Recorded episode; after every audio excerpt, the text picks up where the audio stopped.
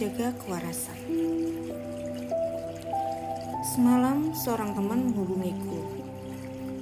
Ia mengirimkan pesan panjang yang membuat dadaku bergemuruh ketika dini hari. Aku membacanya setelah subuh. Sebuah cerita pendek yang panjang. Kisah yang belum menemukan endingnya ia berbagi sesuatu yang ia rasakan dan sudah tak mampu diendapkan sendirian. Satu kalimatnya yang cukup membuatku ikut merasakan apa yang ia risaukan. I got his money, but she's get his soul. Lantas, terbayang wajah cerianya saat bertemu denganku beberapa bulan yang lalu bersama suami dan juga anak-anaknya.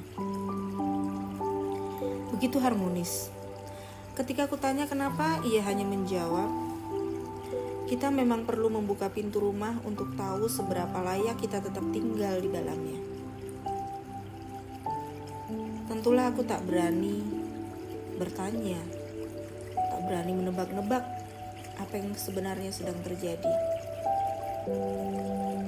Benar saja, ia pun sedang tak ingin main tebak-tebakan. Lantas mengalir cerita selanjutnya.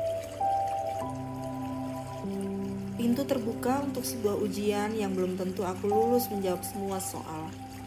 Persoalan rumah tangga, tak jauh dari harta dan orang lain di antara pasangan suami istri.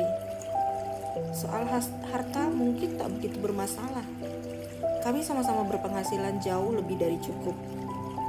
Namun, orang ketiga, katakan berapa banyak mereka yang sanggup bertahan dan memenangkan sebuah piala.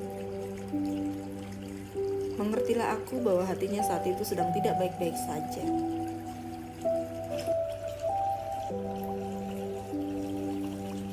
I got his money, but she get his soul. Betapa kalimat itu membuat sesak di dada. Apa yang kurang? Pasti pertanyaan itulah yang keluar dari benak ketika ada sepasang suami istri yang kemudian biduk pernikahannya terombang-ambing dan salah satu atau bisa jadi keduanya memilih mengganti cinta di hati. Apa yang kurang? Apa yang salah? Hingga pasangan memilih mencari yang lain? Pasti salah dia. Karena aku sepertinya sudah benar-benar melakukan apa yang seharusnya aku lakukan sebagai pasangan yang baik. Atau ini pasti salah orang ketiga yang masuk sesuka hati, mengambil kesempatan dalam kesempitan. Atau atau atau tak habis pikir. Pintu terbuka untuk sebuah ujian yang belum tentu aku lulus menjawab semua soal. Persoalan rumah tangga, tak jauh dari harta dan orang lain di antara pasangan suami istri. Soal harta mungkin tak begitu bermasalah. Kami sama-sama berpenghasilan jauh lebih dari cukup. Namun orang ketiga, katakan, berapa banyak mereka yang sanggup bertahan dan memenangkan sebuah piala. Membaca pesan di atas, Memang menjadi sebuah persoalan adalah hadirnya orang ketiga. Kaget. Tentu saja. Tak menyangka sesuatu yang tampak bersinar terang, daya yang digunakannya nyaris sekarat, sudah hampir kehabisan tenaga. Coba katakan, betapa banyak rumah tangga yang bisa bertahan setelah diobrak-abrik wanita lain. Kau mungkin sanggup, tapi apakah kau yakin? Apakah benar seorang lelaki yang pernah berpaling akan kembali pulang? Sebenar-benarnya pulang? Maafkan jika pertanyaanku banyak, tapi ini belum semua. Masih banyak hal yang ingin ku ketahui tentang hati seorang wanita.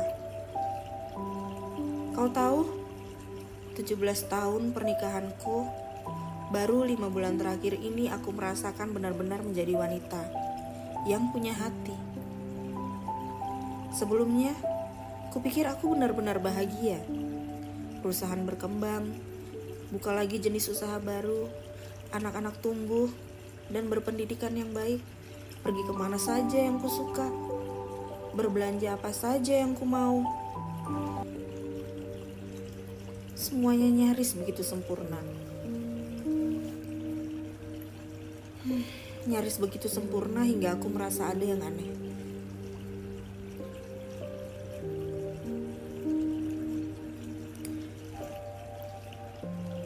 Aku belum berniat untuk menjawab pertanyaan beruntun di atas. Hatiku pedih. Betapa ia dan suaminya yang pernah kukagumi dan akan tetap kukagumi karena kebaikan-kebaikan beliau berdua pasti menghadapi hari-hari yang sulit. Membayangkan dua insan yang terbiasa harmonis dan ke mana-mana selalu berdua, tiba-tiba saling diam. Bahkan saat di dalam kamar. Pilu rasanya. Aneh karena semua tampak baik dan indah. Tiba-tiba aku bisa melihat bahwa selama ini aku buta. Jangan tertawa membaca ini. Atau justru kau menangis karena menyesali kebodohanku? Aku tak perlu menceritakan detailnya. Cukup lihat saja foto ini. Begitu katanya. Kemudian aku melihat seorang wanita dan seorang bocah lelaki imut dengan topi biru tampak menggemaskan dengan pipi gembilnya, menggetarkan hatiku. Aku menangis melihatnya. Sungguh, aku menangis. Ada sesuatu yang menganga di dalam hati, seperti ditetesi jeruk nipis. Perih. Perih. Aku meletakkan ponselku di samping bantal. Jarum jam berkata belum waktunya turun ke dapur. Aku mengusap air mata dengan sarung bantal, kemudian meraih tangan suamiku dan menggenggamnya erat. Aku pernah merasakan takut. Ketakutan yang berlebihan. Takut bila suatu hari nanti ada seseorang yang akan mengambilnya dariku. Takut bila masanya telah usai dan kami dipisahkan. Sesuatu pernah terjadi dulu, namun tangan kami tetap menyatu penuh harap hati ini pun tetap terpaut satu sama lain. Kembali aku mengambil ponsel, melanjutkan membaca pesannya. Awal Januari aku pulih dari kebutaanku. Baru kurasakan sakitnya luka dari duri yang mengakar di dada. Tiga tahun ini sandiwara panjang. Aku penonton atau pemeran Aku sendiri tak yakin. Tapi pintu rumah memang sudah terbuka. Aku ingin mendapatkan jawaban. Apakah aku layak berdiam di dalamnya ataukah aku terbang mencari tempat tinggal yang baru? Hatiku berteriak. Tetap tinggal. Itu istanamu. Kau ratunya. Tak boleh ada yang mengusirmu dari singgah sana. Tapi teriakan itu hanya tertinggal di lidahku. Sebab kalimat selanjutnya yang kubaca membuatku berpikir keras. Selama ini cinta kunilai dari nominal uang. Makin banyak yang kuterima, makin besar pula cinta yang ia beri. Cinta. Hah, 17 tahun lamanya cinta itu cuma soal barang-barang yang tak bisa menggantikan kekosongan hati. Aku baru menyadarinya saat ia berkata, jiwanya tak ada di sini. Ternyata jiwanya telah pergi sejak tiga tahun yang lalu. Oh Tuhan, dua hal yang membuatku kaget.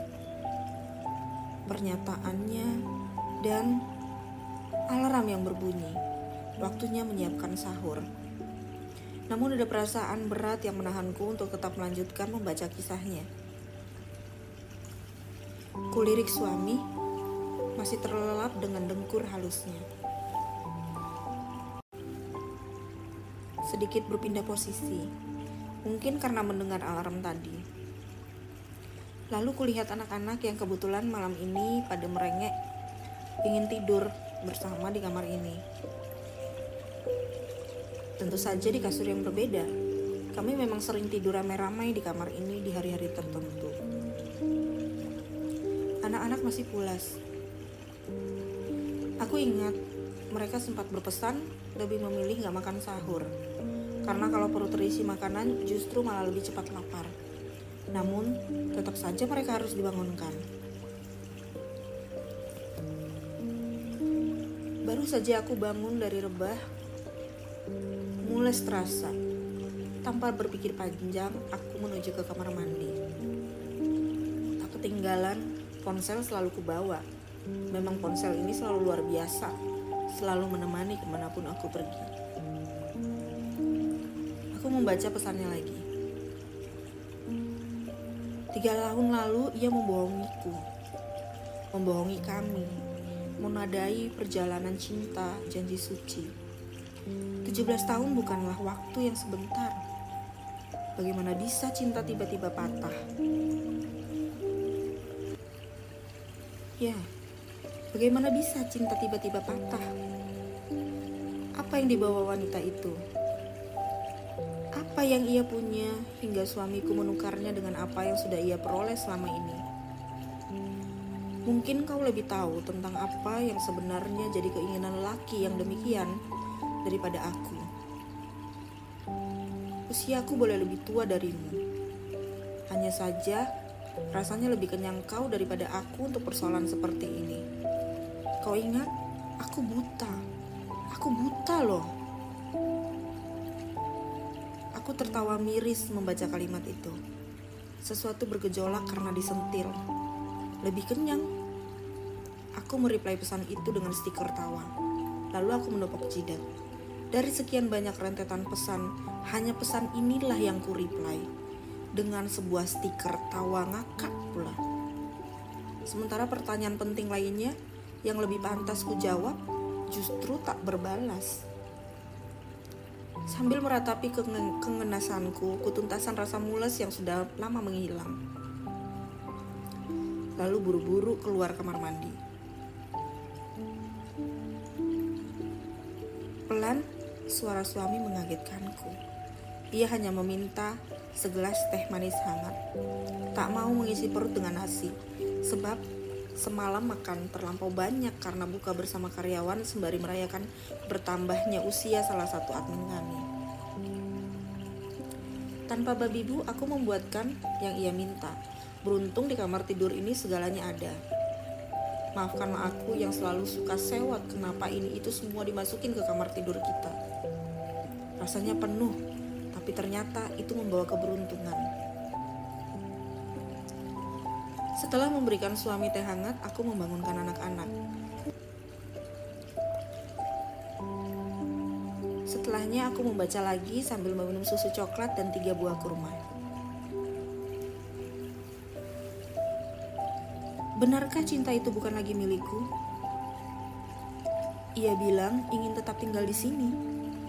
Tapi aku tak bisa lebih lama bertahan sebab tak ada lagi jiwanya di sini.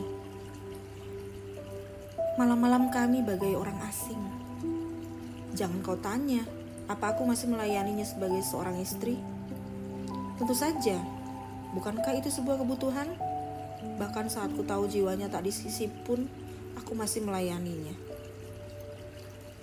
Satu lagi paku menancap di hatiku. Wajah seorang sahabat muncul di netraku. Sahabatku itu pun pernah berkata hal yang sama. Ia bagai bercumbu dengan batu saat ia telah lama memendam perasaan tersakiti karena suaminya telah berkhianat pada adik kelasnya sendiri di perkumpulan. Mungkin itulah yang dirasa, bercinta tapi tak ada cinta di dalamnya. Benarkah? Tiba-tiba aku merindukan sahabatku itu. Sahabat yang berhasil menjadi dirinya sendiri, memutuskan rantai dan membuat lingkaran kehidupan yang baru. Aku mengiriminya pesan, alih-alih membalas pesan temanku yang belum tuntas kubaca.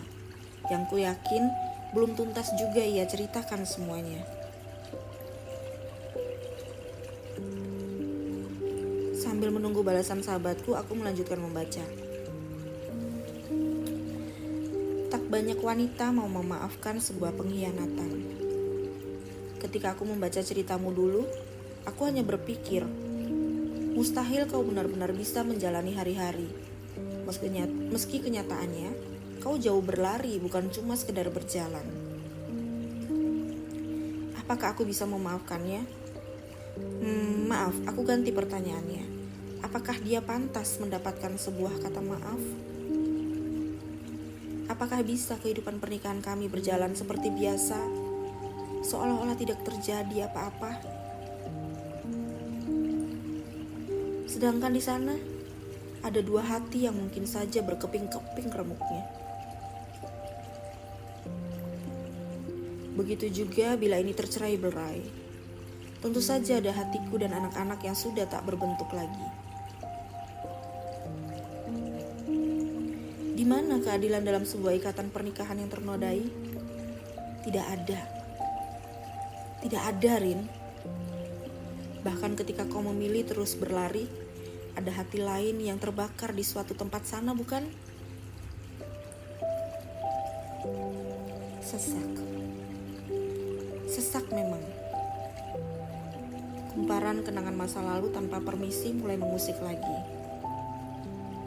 Oke, baiklah. Ternyata sebuah kewarasan memang sangat diperlukan untuk menjawab semua pertanyaan atau menanggapi pernyataannya. Lebih baik aku mandi dulu sebelum azan subuh berkumandang. Keramas mungkin bisa mengembalikan kewarasan yang sempat hilang karena membaca cerita pendek dan panjang seorang temanku itu. Mengertilah aku bahwa saat seorang teman sedang tidak baik-baik saja, ada sebagian dari dalam diri yang ingin keluar dari sini untuk berkata kepadanya. Semua ketakutan itu hanya berasal dari pikiran. Mungkin buta lebih baik, tapi melihat kebenaran jauh lebih baik. Meski kenyataan yang sebenarnya bisa membunuh kita saat itu juga, atau membangkitkan kita dari kematian panjang.